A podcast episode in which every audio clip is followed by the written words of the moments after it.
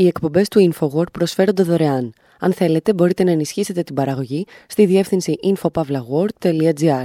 Η διεύθυνση infopavlagor.gr. Η εκπομπή InfoWord με τον Άρη Χατζηστεφάνου.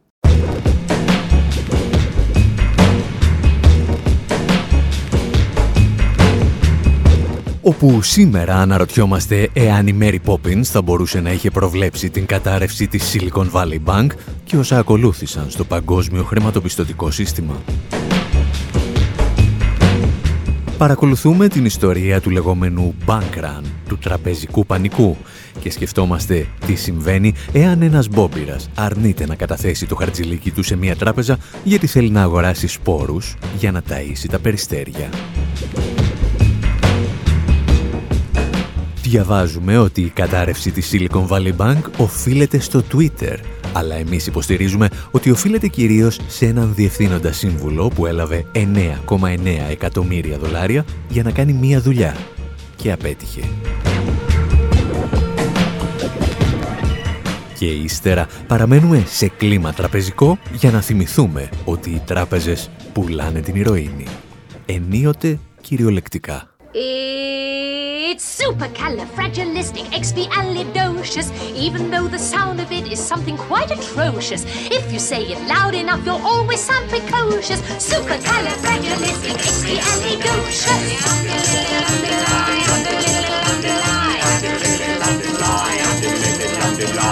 I was afraid to speak when I was just a lad.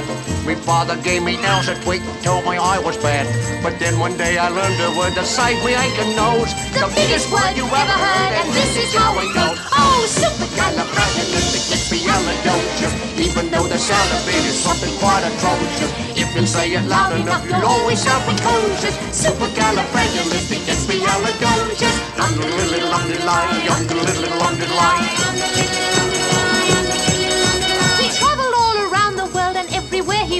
He'd use his word and all would say, there goes a clever gent. When Dukes and Martha Rogers pass a time of day with me, I say me special word and then they ask me to tea.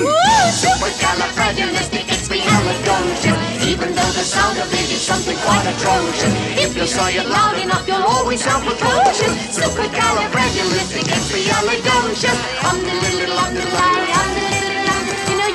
Say it backwards, which is docious ali expiistic fragicalirupus, but that's going a bit too far, don't you think? Indubitum. So when the cat has got your tongue, there's no need for dismay. Just summon up this word and then you've got a Η Mary Poppins μας φέρνει πίσω στο 1964, όταν η Walt Disney μεταφέρει στη μεγάλη οθόνη τη σειρά μυθιστορημάτων της Pamela Lyndon Travers. And a lovely thing she is too. She's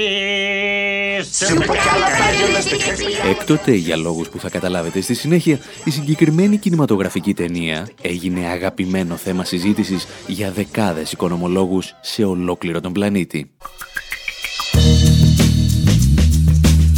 Η ιστορία, αν θυμάστε, μεταξύ άλλων αφορά και τον κύριο Banks, τον κύριο Τράπεζα, ο οποίος εργάζεται σε μια τράπεζα. Και στο δικό του υποκατάστημα συμβαίνει αυτό που κανένας τραπεζίτης αλλά και κανένας καταθέτης δεν θέλει να ζήσει. Συμβαίνει ένα bank run, ένας τραπεζικός πανικός.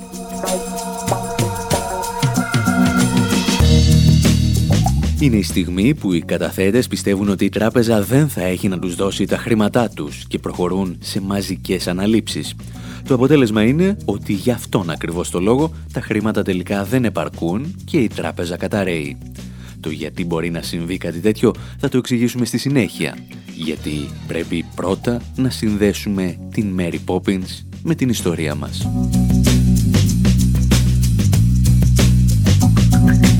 Και το δύσκολο αυτό έργο το αφήνουμε σε έναν από τους διασημότερους ιστορικούς της εποχής μας, τον Βρετανό Νάιλ Ferguson.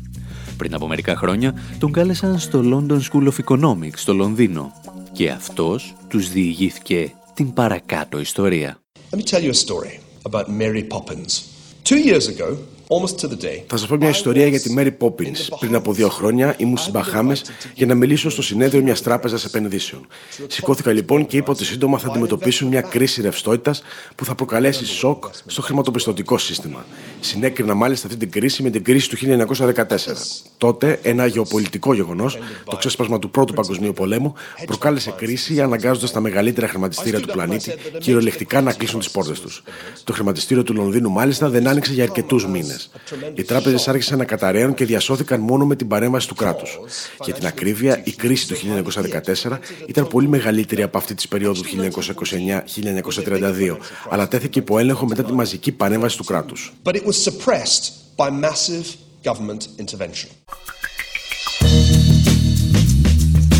Ο Φέργκισον λοιπόν, λίγους μήνες πριν από την παρολίγων κατάρρευση του παγκόσμιου χρηματοπιστωτικού συστήματος, προειδοποιούσε την αφρόκρεμα των κερδοσκόπων για το τι θα ακολουθήσει. Το πρόβλημα είναι ότι όχι μόνο δεν ήθελαν να τον ακούσουν, αλλά δεν ήθελαν και να τον ξαναδούν στα μάτια τους. Well, I'm not sure that I got a very receptive audience that day. Uh, there was a kind of δεν νομίζω ότι το κοινό ήταν και τόσο δεκτικό εκείνη την ημέρα. Όλοι με κοιτούσαν περίεργα καθώς παρίστανα την Κασάνδρα. Και τότε κάποιος είπε ότι την επόμενη χρονιά, αντί να καλέσουν έναν ακόμη περίεργο ακαδημαϊκό, θα έπρεπε να προβάλλουν την ταινία Mary Poppins. Πληγώθηκα, γιατί έχω κι εγώ αισθήματα. Για να ηρεμήσω, είπα να πάω για τρέξιμο. Αλλά καθώς ανέβαινε ένα λόφο, μου ήρθε μια ιδέα. Mary Poppins. Mary Poppins.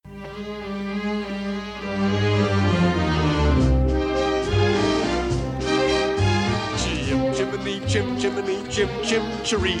A sweep is as lucky as lucky can be. Chim chimney chim chimney chim chim chiroo. Good luck we're above when I shake hands with you. Or blow me a kiss. And that's lucky too. Καθώς ο Ναέλ Φέργκισον λοιπόν έτρεχε να ξεχάσει την προσβολή που είχε δεχθεί από ένα μάτσο τραπεζίτες και κερδοσκόπους, άρχισαν να περνάνε από το μυαλό του σκηνές από την ταινία Mary Poppins. Και ύστερα από λίγα λεπτά θυμήθηκε ίσως την πιο συγκλονιστική για έναν οικονομολόγο σκηνή της ταινίας. Εκεί όπου μια μικρή παρεξήγηση προκαλεί τραπεζικό πανικό οδηγώντας σε κατάρρευση τη μεγαλύτερη τράπεζα του Λονδίνου. Mary Poppins. And I remember that scene. Και τότε θυμήθηκα εκείνη τη σκηνή, όπου πηγαίνει τον Μάικλ, το γιο του κύριου Μπάνξ, να επισκεφτεί την τράπεζα που δουλεύει ο κύριος Μπάνξ. Αυτός προσπαθεί να πείσει τον Μάικλ να καταθέσει το χαρτζιλίκι του στην τράπεζα. Αυτός όμως λέει ότι δεν θέλει. Θέλει, λέει, να το χρησιμοποιήσει για να ταΐσει τα περιστέρια. Δώσ' μου πίσω τα λεφτά μου, φωνάζει ο μικρός. Ένας άλλος πελάτης όμως που στεκόταν στην ουρά άκουσε τις φωνές και είπε: Γιατί δεν δίνουν σε αυτό το παιδί τα λεφτά του πίσω; Θέλω κι εγώ τα λεφτά μου. Και ύστερα το ακούει και ένας άλλος και λέει: Θέλω κι εγώ τα λεφτά μου. Τελικά κάποιος φωνάζει: Σταματήστε τις πληρωμέ. Η τράπεζα χρεοκοπεί και ο κύριο Banks χάνει τη δουλειά του. Έχουμε έναν τραπεζικό πανικό. Mr. Banks loses his job. It's a bank run. Very well, my boy. Give me the money. No, I won't. I wanted to feed the birds. Give it back! Give me back the money! Michael, Michael, behave! Michael, behave! Jane! Jane! There's something wrong. The bank won't give someone their money. Well, I'm going to get mine. Come along, young man. Every penny in mine. And mine too. And give me mine too. Ο τραπεζικός πανικός που διαδραματίζεται στην Mary Poppins δεν θα μπορούσε να είναι πιο άσχετος με την εποχή στην οποία γυρίστηκε η ταινία. Βρισκόμαστε, αν θυμάστε, στα μέσα της δεκαετίας του 60 και ο δυτικός κόσμος ζει το απόγειο της οικονομικής ανάπτυξης που ακολούθησε το Δεύτερο Παγκόσμιο Πόλεμο. Μην ξεχνιέστε όμως, το μυθιστόρημα γράφτηκε στα μέσα της δεκαετίας του 30, όταν ο πλανήτης γνώριζε τη μεγάλη ύφεση, η οποία ακολούθησε το χρηματιστηριακό κράχ του 1929. October 29th, 1929, Black Tuesday. The New York Stock Exchange is in a panic. Frantic investors have scrambled to unload their stocks at any price. Everyone wants to sell. Τα περίφημα bank run, η τραπεζική πανική, θα στοιχιώσουν το συλλογικό υποσυνείδητο του δυτικού κόσμου. Είναι η φωτογραφική απεικόνηση ενός συστήματος που καταραίει μπροστά στα μάτια των πολιτών. Και τα συντρίμια του καταπλακώνουν πρώτα τους πιο αδύναμους.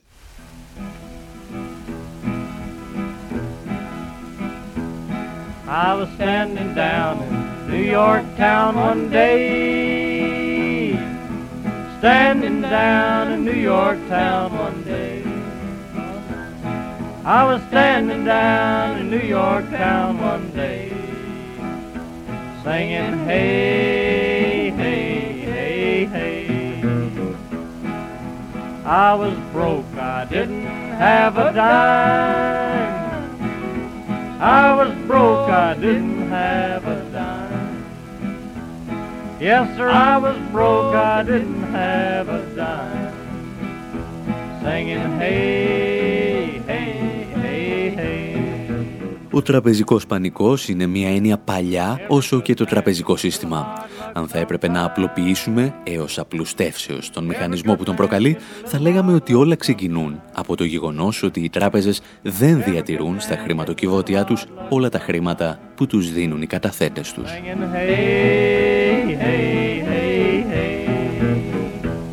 Κάποια από αυτά τα χρήματα επενδύονται και κάποια γίνονται δάνεια και έτσι η τράπεζα αποκομίζει το κέρδος της. Παράλληλα όμως αυξάνει και την κυκλοφορία του χρήματος στην αγορά ή όπως λέμε δημιουργεί χρήμα.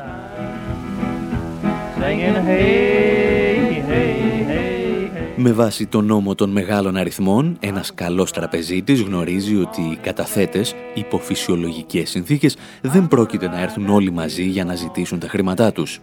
Το ερώτημα είναι τι συμβαίνει αν για κάποιο λόγο αποφασίσουν όλοι μαζί να αποσύρουν τελικά τις καταθέσεις τους; Απαντήσεις ύστερα από ένα μικρό διάλειμμα.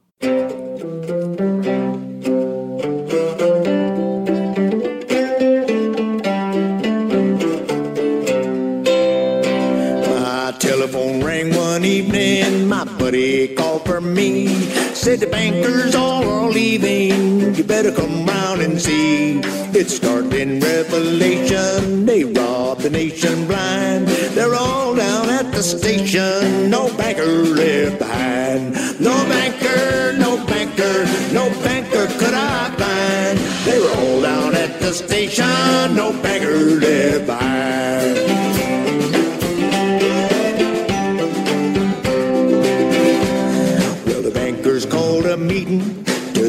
The They went one day. They was going to call on the president in a quiet and a sociable way. And the afternoon was sunny and the weather it was fine. They counted all our money and no banker was left behind. No banker,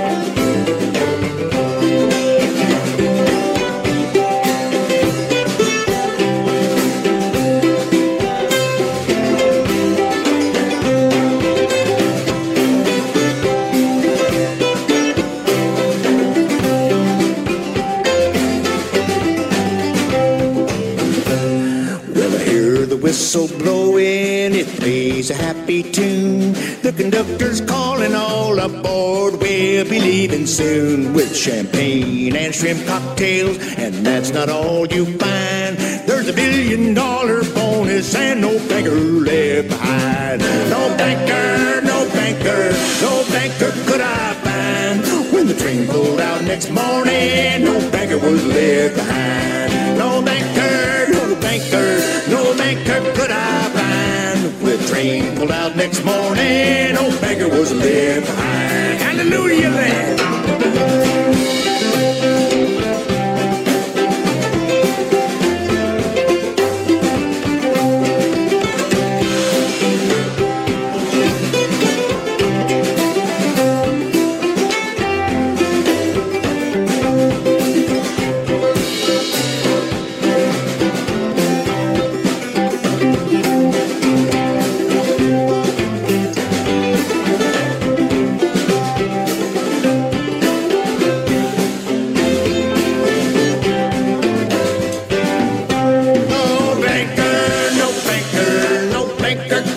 Στην εκπομπή Infowar με τον Άρη Χατζηστεφάνου ακούτε τον Ράι Κόντερ να τραγουδά για μια ομάδα τραπεζιτών που την έκαναν, λέει, ένα βράδυ με τα λεφτά του Κοσμάκη. Εμείς όμως συζητάμε για τράπεζες που τρέχουν και πελάτες που ζητούν τα χρήματά τους. Συζητάμε για τραπεζικούς πανικούς. Τις περισσότερες φορές ο τραπεζικός πανικός αποτελεί τη λεγόμενη αυτοεκπληρούμενη προφητεία.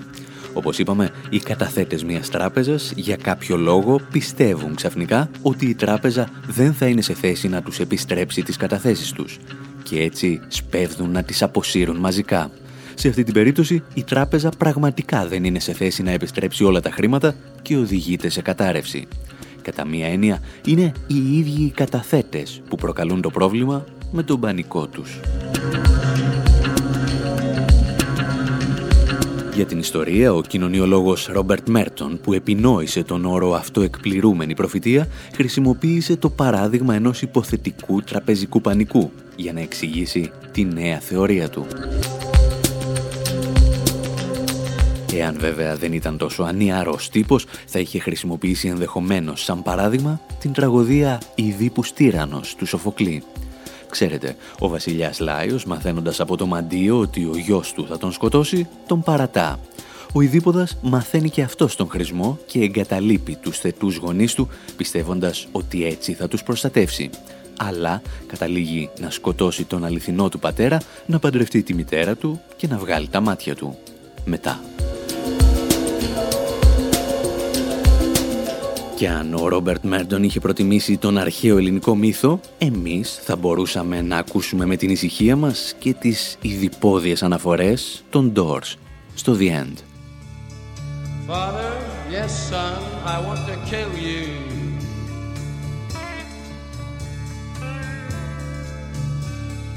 Mother, I want to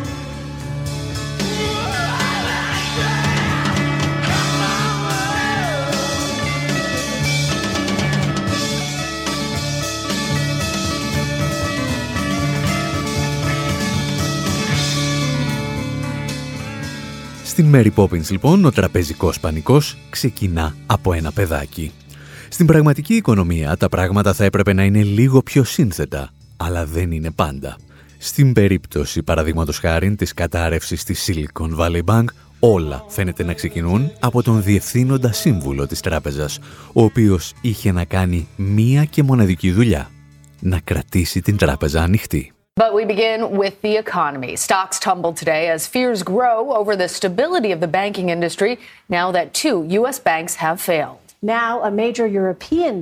Καθώς τα διεθνή μέσα ενημέρωσης μετέδιδαν την κατάρρευση δύο Αμερικανικών τραπεζών που απειλεί τη σταθερότητα στο παγκόσμιο χρηματοπιστωτικό σύστημα, οι αναλυτές αναζητούσαν τα αίτια που οδήγησαν στην κρίση. Κάποιοι έδιναν μεγαλύτερη βαρύτητα στις αποφάσεις των κεντρικών τραπεζών να αυξήσουν τα επιτόκια, γεγονός που βρήκε την Silicon Valley Bank με το λάθος πορτφόλιο. Άλλοι έδιναν βάρος στο γεγονός ότι η Κεντρική Τράπεζα επέτρεψε στην Silicon Valley Bank συνεχείς συγχωνεύσεις που την κατέστησαν τεράστια και ασταθή. Ορισμένοι πάλι μιλούσαν για το ρόλο που έπαιξε το Twitter στη δημιουργία του τραπεζικού πανικού και κάτι καμένοι ρεπουμπλικάνοι, δηλαδή η πλειοψηφία του κόμματος, κατέληξαν ότι η τράπεζα ήταν πολύ woke Δηλαδή έδινε μεγάλη σημασία στην πολιτική ορθότητα και τασόταν εναντίον των διακρίσεων και γι' αυτό δεν έκανε σωστά τη δουλειά της. Για αυτό το σουρεαλισμό όμως μπορείτε να διαβάσετε περισσότερα στο κείμενό μας στην εφημερίδα των συντακτών. Με εξαίρεση πάντως την τελευταία εξήγηση, όλες οι προηγούμενες αναλύσεις πατάνε στην πραγματικότητα και έπαιξαν μικρότερο ή μεγαλύτερο ρόλο στην κατάρρευση. Ο ελέφαντας στο δωμάτιο όμως ήταν άλλος. Μετά την χρηματοπιστωτική κρίση του 2008, που έγινε δημοσιονομική και τελικά την πλήρωσες εσύ, στις Ηνωμένες Πολιτείες εισήχθησαν ορισμένοι κανόνες για τον έλεγχο της ζούγκλας, που ονομάζεται χρηματοπιστωτικός καπιταλισμός. Για τα δεδομένα του προβλήματος, οι ρυθμίσεις ήταν από ανεπαρκείς έως αστείες αλλά τουλάχιστον προέβλεπαν τη διενέργεια stress test στις τράπεζες, τα οποία θα έδειχναν αν ένα πιστοτικό ίδρυμα θα καταρρεύσει υπό συγκεκριμένες συνθήκες. Μόνο που οι διευθύνοντες σύμβουλοι των δύο Αμερικανικών τραπεζών που κατέρευσαν είχαν μια φαϊνή ιδέα. Ας αλλάξουμε, είπαν τους κανονισμούς, ώστε να μην ισχύουν για τις δικές μας τράπεζες. Τα εξηγούσε το Democracy Now! During the Trump administration, a number of Democrats joined Republicans in weakening the Dodd Frank law. Κατά τη διακυβέρνηση Τραμπ, ορισμένοι δημοκρατικοί συνεργάστηκαν με τους Ρεπουμπλικάνους για να αποδυναμώσουν την νομοθεσία ελέγχου των τραπεζών που ονομάζεται νόμος Don't Frank. Στελέχη των δύο τραπεζών που κατέρευσαν έκαναν lobbying ώστε να μην εφαρμόζεται συγκεκριμένη νομοθεσία στις τράπεζες μεσαίου μεγέθους. Ανάμεσα σε αυτά τα στελέχη βρισκόταν και ο γερουσιαστή Barney Frank, ο οποίος όταν έφυγε από το Κογκρέσο πήγε σε Signature Bank. Ο Frank ήταν ένας από τους δημιουργούς της νομοθεσίας Dot Frank. Ουσιαστικά δηλαδή άσκησε πιέσεις για να αποδυναμωθεί η νομοθεσία που ο ίδιος είχε δημιουργήσει. Στη νέα του θέση στην τράπεζα Frank έλαβε τουλάχιστον 2,4 εκατομμύρια δολάρια σε μετρητά και μετοχές πριν από την κατάρρευση της τράπεζας.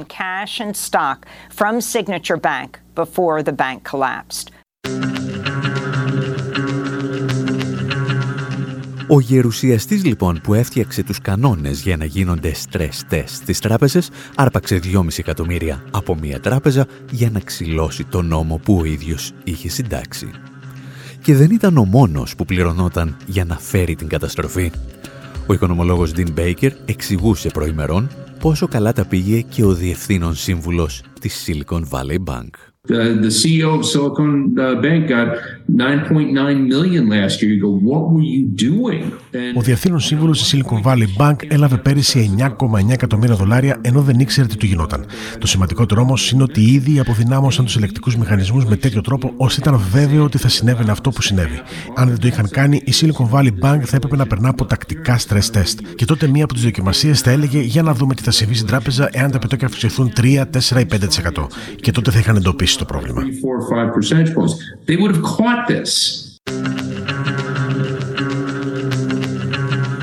Προφανώς το να αποδώσεις σε έναν άνθρωπο τη νέα κρίση που βιώνει το παγκόσμιο χρηματοπιστωτικό σύστημα ίσως θυμίσεις σε ορισμένους την περίπτωση των ελληνικών μέσων ενημέρωσης που κατηγορούν έναν σταθμάρχη για την τραγωδία στα Τέμπη. Δεν είναι όμως ακριβώς το ίδιο.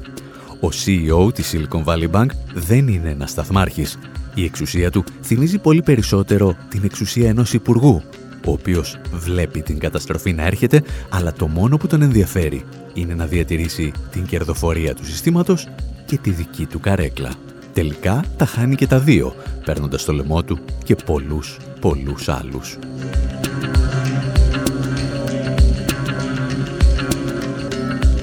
Σε τελική ανάλυση, η ιστορία έχει δείξει ότι αν η κατάρρευση μίας τράπεζας μπορεί να οδηγήσει σε κρίση ολόκληρο το σύστημα, τότε φταίει το σύστημα. Έχει όμως πάντα ενδιαφέρον να βλέπουμε να αποκαθιλώνονται οι CEO που δεν μπορούν να ξεχωρίσουν δύο γαϊδάρων άχυρα. Εσείς πάλι μένετε εδώ, γιατί ύστερα από ένα μικρό διάλειμμα επιστρέφουμε με διαφορετικές τραπεζικές ιστορίες. Daddy was a bank robber, but he never hurt nobody.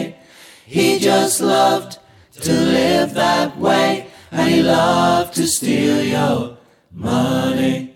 Some is rich, and some is poor, and that's the way the world is. But I don't believe in lying back and saying how bad your luck is. Daddy was a bank robber, but he never hurt nobody. He just loved to live that way, and he loved to steal your money. So we came to jazz it up. We never loved a shovel. Break your back to earn your pay and don't forget to grovel. Daddy was a bank robber, but he never hurt nobody. He just loved to live that way, and he loved to steal your money. Imagine if all the boys in jail could get out now together. What do you think they'd want to say to us while we were being clever? Daddy was a bank robber, but he never hurt nobody. He just loved to live that way, and he loved to steal your money. Daddy was a bank robber, but he never hurt nobody. He just loved to live that way, and he loved to steal your money. Οι εκπομπές του InfoWord προσφέρονται δωρεάν. Αν θέλετε, μπορείτε να ενισχύσετε την παραγωγή στη διεύθυνση infopavlagor.gr.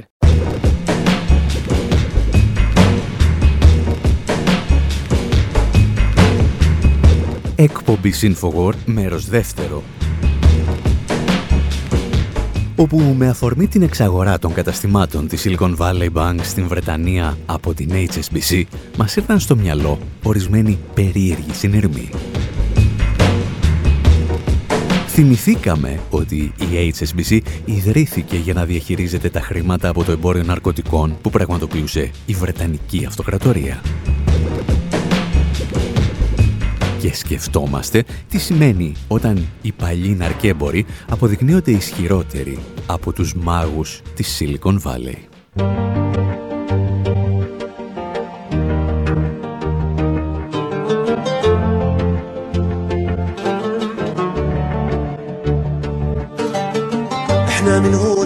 قلب فلسطين شابكين الإيد بإيد كلنا مشجعين معكوا على الموت. في الملعب موجودين وفي كل بيت وحارة في القلب محطوطين من فلسطين الإيد بإيد كلنا مشجعين في الملعب موجودين وفي كل بيت وحارة في القلب محطوطين وإنت يا مصر وريهم إزاي الكرة دي بتاعتك والكاس اهو جاي مفيش مستحيل على ابن النيل يلا يا رجالة قوموا ورايا. وحشتك يا يا تونس الخضرا في القلب يا. وإحنا معاكم فلسطينية. ربي يحماكم في روسيا يا مغرب يا غالي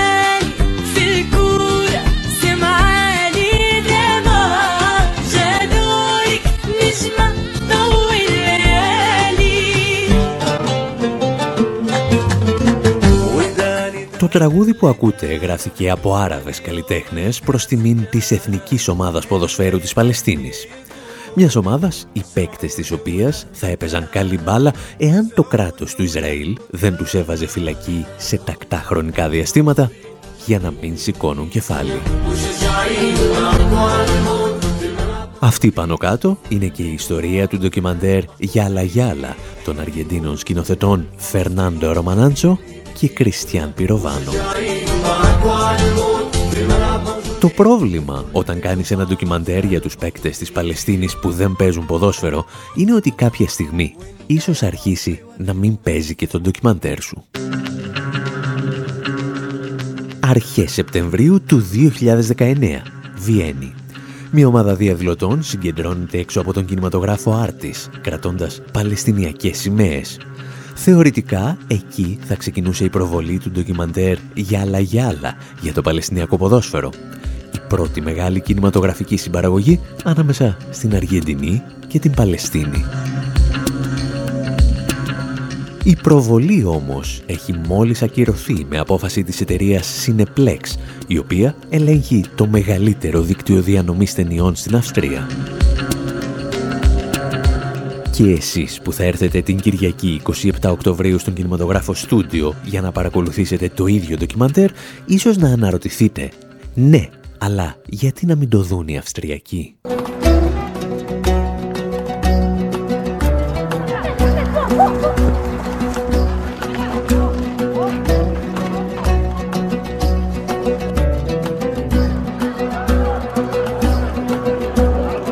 Το ντοκιμαντέρ είναι μια εξαιρετική αφήγηση για όσα ζουν στην καθημερινότητά τους οι Παλαιστίνοι ποδοσφαιριστές. τις φυλακίσεις, τον εξευτελισμό, τους βομβαρδισμούς από το Ισραήλ, αλλά και την απόλαυση να παίζεις μπάλα σε πείσμα του κατακτήτη. Πέραν αυτόν όμως, δεν υπάρχει κανένας λόγος να απαγορευτεί η προβολή του ντοκιμαντέρ. Το πρόβλημα, λέει, της αυστριακής εταιρείας διανομής ήταν ότι την προβολή στήριζε το BDS, το διεθνές κίνημα για τον μποϊκοτάζ, την απόσυρση επενδύσεων και τις κυρώσεις εναντίον του κράτους του Ισραήλ. Και κάπου εκεί ξεκινούσε ένας πόλεμος, η πραγματική στρατηγή του οποίου δεν βρίσκονταν στη Βιέννη, αλλά στο Τελαβίβ. καθώς το BDS κατάφερνε όλο και σημαντικότερες νίκες αναγκάζοντας μεγάλες εταιρείες αλλά και καλλιτέχνες να απομακρυνθούν από το Ισραήλ, το Τελαβίβ άρχισε να οργανώνει την αντεπίθεση του. La lutte contre le boycott C'est l'intitulé d'une rencontre avec Yossi Cohen, directeur du Mossad, mentionné en 2018 dans les agendas de travail de Gilad Erdan. Τον Ιούνιο του 2019, διεθνή μέσα ενημέρωσης αποκαλύπτουν αυτό που όλοι γνωρίζαμε, ότι το Ισραήλ έχει ρίξει στη μάχη εναντίον του BDS ακόμη και τις μυστικές υπηρεσίες της Mossad. Την αποκάλυψη κάνει η Ισραηλινή εφημερίδα Χαρέτζ, η οποία φέρνει στο φως τις επαφές που είχε για το θέμα ο διευθυντής της Μοσάντ, Γιώση Κοέν, με τον Υπουργό Στρατηγικών Υποθέσεων του Ισραήλ, Γκίλαντ Ερντάν. Ο Ερντάν είναι ο επικεφαλής της επιχείρησης λάσπης του Ισραήλ εναντίον του κινήματος BDS και για να πετύχει τον στόχο του έχει στη διάθεσή του έναν προϋπολογισμό αρκετών εκατομμυρίων δολαρίων. Και τι κατάφερε το Ισραήλ με αυτή την επιχείρηση; Μεταξύ άλλων να κατηγορήσει μερικούς επιζώντες του ολοκαυτώματος για αντισημιτισμό και έναν συνεργάτη του Νέλσον Μαντέλα για ρατσισμό. Ιστορίες δηλαδή για να έχουμε να λέμε ύστερα από ένα μικρό διάλειμμα.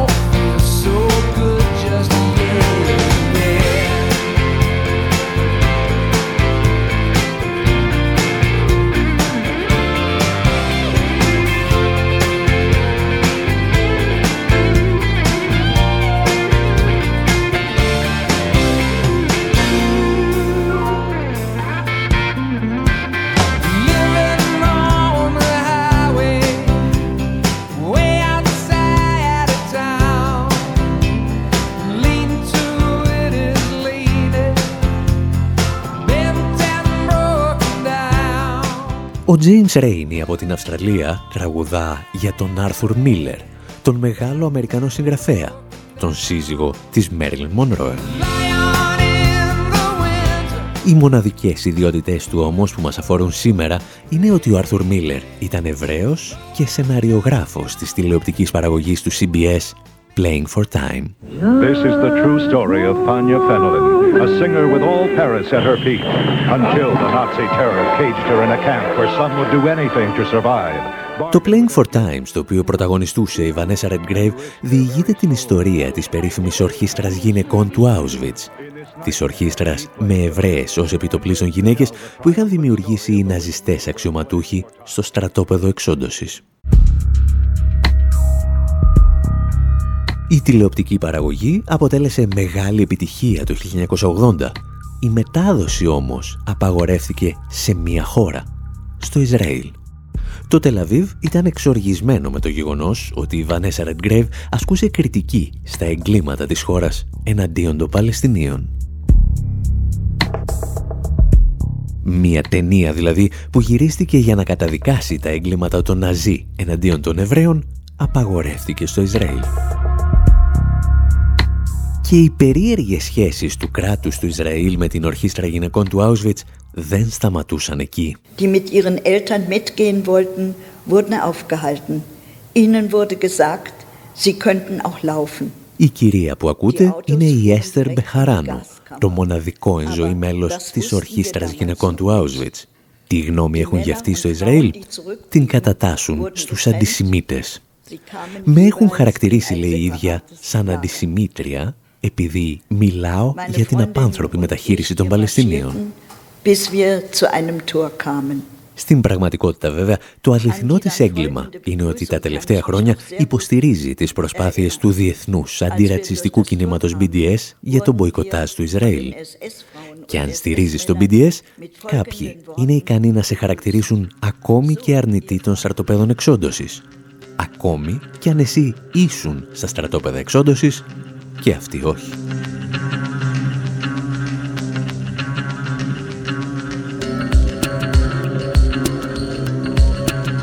Για την ιστορία, ένα άλλο χαρακτηριστικό της Έστερ Μπεχαράνο είναι ότι κατά διαστήματα τραγουδάει σε διάφορα συγκροτήματα.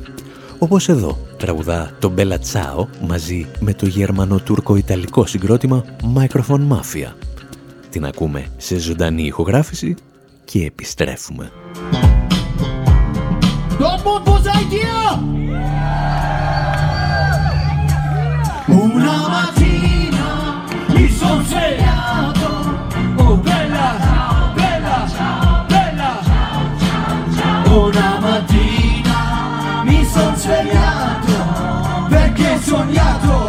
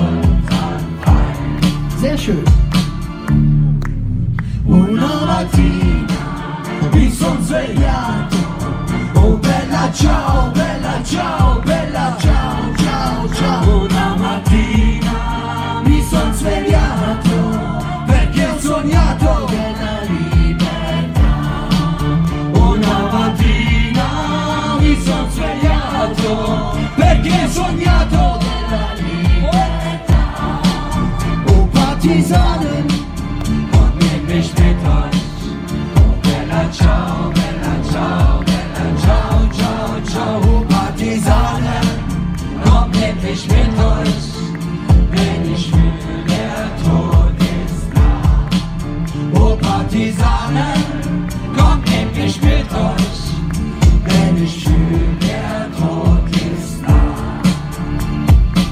Und jetzt auf Italienisch.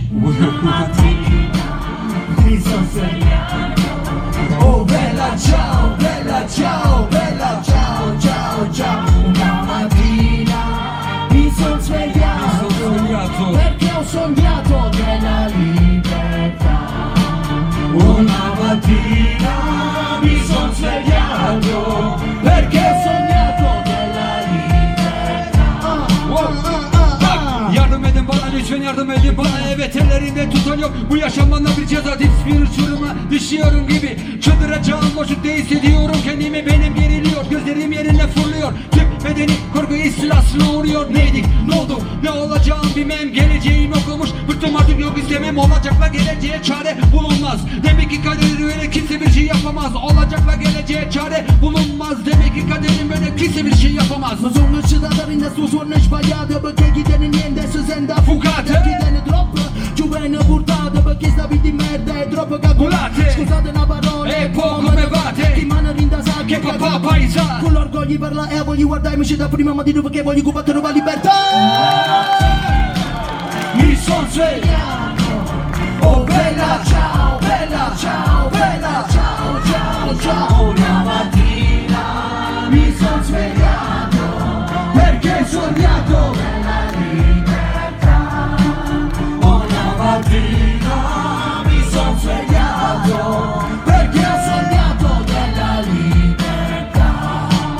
Las manos Ai vostri applausi a este Vegerano Γιώργο Vegerano Στην εκπομπή Infowar με τον Άρη Χατζηστεφάνου συζητάμε για επιζήσαντες του ολοκαυτώματος, τους οποίους το Ισραήλ χαρακτηρίζει αντισημίτες, επειδή ασκούν κριτική στα εγκλήματα που πραγματοποιεί εναντίον των Παλαιστινίων.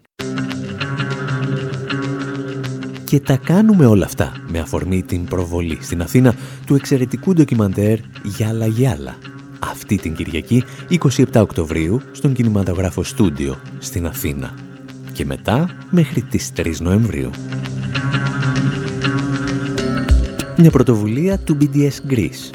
Μια πρωτοβουλία που έγινε και από το BDS Αυστρίας πριν από μερικές εβδομάδες, αλλά κάποιοι αποφάσισαν ότι οι Αυστριακοί δεν πρέπει να δουν αυτό το ντοκιμαντέρ. Εμείς πάντως με αφορμή μόνο το ντοκιμαντέρ συζητάμε για την επιχείρηση συκοφάντησης του BDS από το Ισραήλ. Μια επιχείρηση που παίρνει σβάρνα Εβραίους που στηρίζουν τον μποϊκοτάζ του κράτους τρομοκράτη, αλλά ακόμη και επιζήσαντες του ολοκαυτώματος. Ανθρώπους που μπορεί να γλίτωσαν από τα πιο αυταρχικά καθεστώτα του πλανήτη, αλλά δεν μπορούν να γλιτώσουν από τους μηχανισμούς προπαγάνδας του Τελαβίβ. Και ένας από αυτούς τους ανθρώπους ήταν και ο Ρόι Κάσρελς. Ο Κάσρελς ήταν παλιός συνεργάτης και υπουργός του Νέλσον Μαντέλα και ένας από τους σημαντικότερους μαχητές του κινήματος απέναντι στο ρατσιστικό καθεστώς Apartheid της Νότιας Αφρικής. Τα προβλήματά του όμως ξεκίνησαν μετά το Apartheid όταν άρχισε να ασκεί κριτική στο Ισραήλ. Guten Morgen. It's wonderful to be here in Vienna and especially on such a gorgeous day. Just arrived from South Africa. Όπως ακούτε, ο Κάσρελς βρισκόταν πρόσφατα στη Βιέννη, όπου θα έδινε μια ομιλία, συγκρίνοντας το Apartheid της Νότιας Αφρικής με το Apartheid του Ισραήλ. Και όπως μπορείτε ίσως να υποθέσετε, και αυτή η εκδήλωση ακυρώθηκε, γιατί ο Κάσρελς είναι υποστηρικτής του κινήματος BDS. Σε λιγότερο από ένα χρόνο δηλαδή, στην Αυστρία, στην καρδιά της Ευρωπαϊκής Ένωσης, ακυρώθηκε η προβολή μιας ταινίας και μια διάλεξη για να μην ενοχληθεί το κράτος του Ισραήλ. Και αν αναρωτιέστε τι μπορεί να έλεγε που θα ενοχλούσε τόσο πολύ, βρήκαμε μια παλαιότερη συνέντευξή του για να καταλάβετε. We South Africans have a saying, and we quote Nelson Mandela, who said that we South Africans can't feel free until the Palestinians are free. Uh, that signifies Εμείς οι Νοτιοαφρικανοί έχουμε ένα γρομικό και επαναλαμβάνουμε τα λόγια του Νέσον Μαντέλα που είπε: Δεν μπορούμε να νιώσουμε ελεύθεροι μέχρι να ελευθερωθούν και οι Παλαιστίνοι. Άνθρωποι υποφέρουν, είναι θύματα διακρίσεων, καταπιέζονται από άκρη σ' άκρη αυτού του κόσμου. Ιδιαίτερα όμως στην Παλαιστίνη έχουν χάσει τα πατρογονικά τους δικαιώματα, τη γη τους, ζουν υποκατοχή όχι μόνο στις κατεχόμενες περιοχές, αλλά και μέσα στο ίδιο το Ισραήλ που τους αντιμετωπίζει σαν πολίτες δεύτερης κατηγορίας. Εξευτελίζονται συνεχώς σε όποια πλευρά των συνόρων και αν βρίσκονται, αντιμετωπίζουν σκληρά και βάρβαρα μέτρα από τον Ισραηλινό στρατό. Καθώς δεθήκαμε και εμείς αλληλεγγύη όταν παλεύαμε για τα δικαιώματά μας στη Νότια Αφρική, νιώθουμε μαζί με τον Μαντέλα ότι πρέπει να σταθούμε δίπλα στον Παλαιστινιακό λαό. feel, along with Mandela that we need to stand by the Palestinian people. το να θυμίζεις ότι ο Νέλσον Μαντέλα βρισκόταν πάντα στο πλευρό των Παλαιστινίων, σε αντίθεση με διάφορους αριστερούς και δεξιούς που αναφέρουν το όνομά του επί Ματέο, είναι από μόνο του αρκετά ενοχλητικό για το Ισραήλ. Αυτό όμως που ενοχλεί περισσότερο είναι το γεγονός ότι σύμφωνα με τον Κάσρελς, τα εγκλήματα του Ισραήλ εναντίον των Παλαιστινίων είναι πολύ χειρότερα από τα εγκλήματα του αιμοσταγούς καθεστώτος της Νότιας Αφρικής εναντίον των μαύρων. We feel, uh, and not just emotionally, but studying Israeli law, Νιώθουμε όχι μόνο συναισθηματικά αλλά και σε νομικό επίπεδο ότι υπάρχουν μεγάλες ομοιότητες ανάμεσα στο Ισραήλ και στο νότιο-αφρικανικό Απαρχάιτ. Όταν επισκεπτόμαστε το Ισραήλ και τις κατεχόμενες περιοχές όπως έκανε ο επίσκοπος Ντέσμον Τούτου, όλοι μας αισθανόμαστε ένα ντεζαβού ότι αυτό το έχουμε ξαναζήσει. Στην Παλαιστίνη όμως η κατάσταση είναι χειρότερη από όσα συνέβησαν στην Νότια Αφρική. Γιατί όσο κακό και τρομερό και να ήταν το Απαρχάιτ, δεν είδαμε τάγκς και τα μαχητικά αεροσκάφη να επιτίθεται στις αφρικανικές κοινότητες και να πυροβολούν εναντίον άμαχου πληθυσμού. Αυτό δεν συνέβη. Πιστεύουμε ότι αυτό που συμβαίνει στις κατεχόμενες περιοχές περιοχές της Παλαιστίνης είναι πολύ χειρότερο από την Νότια Αφρική.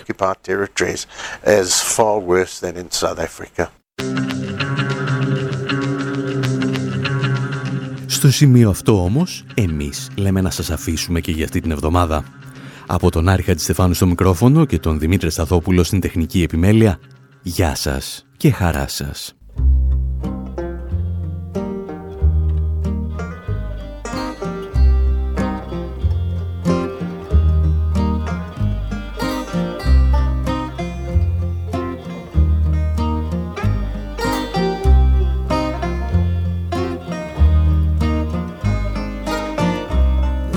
On guns.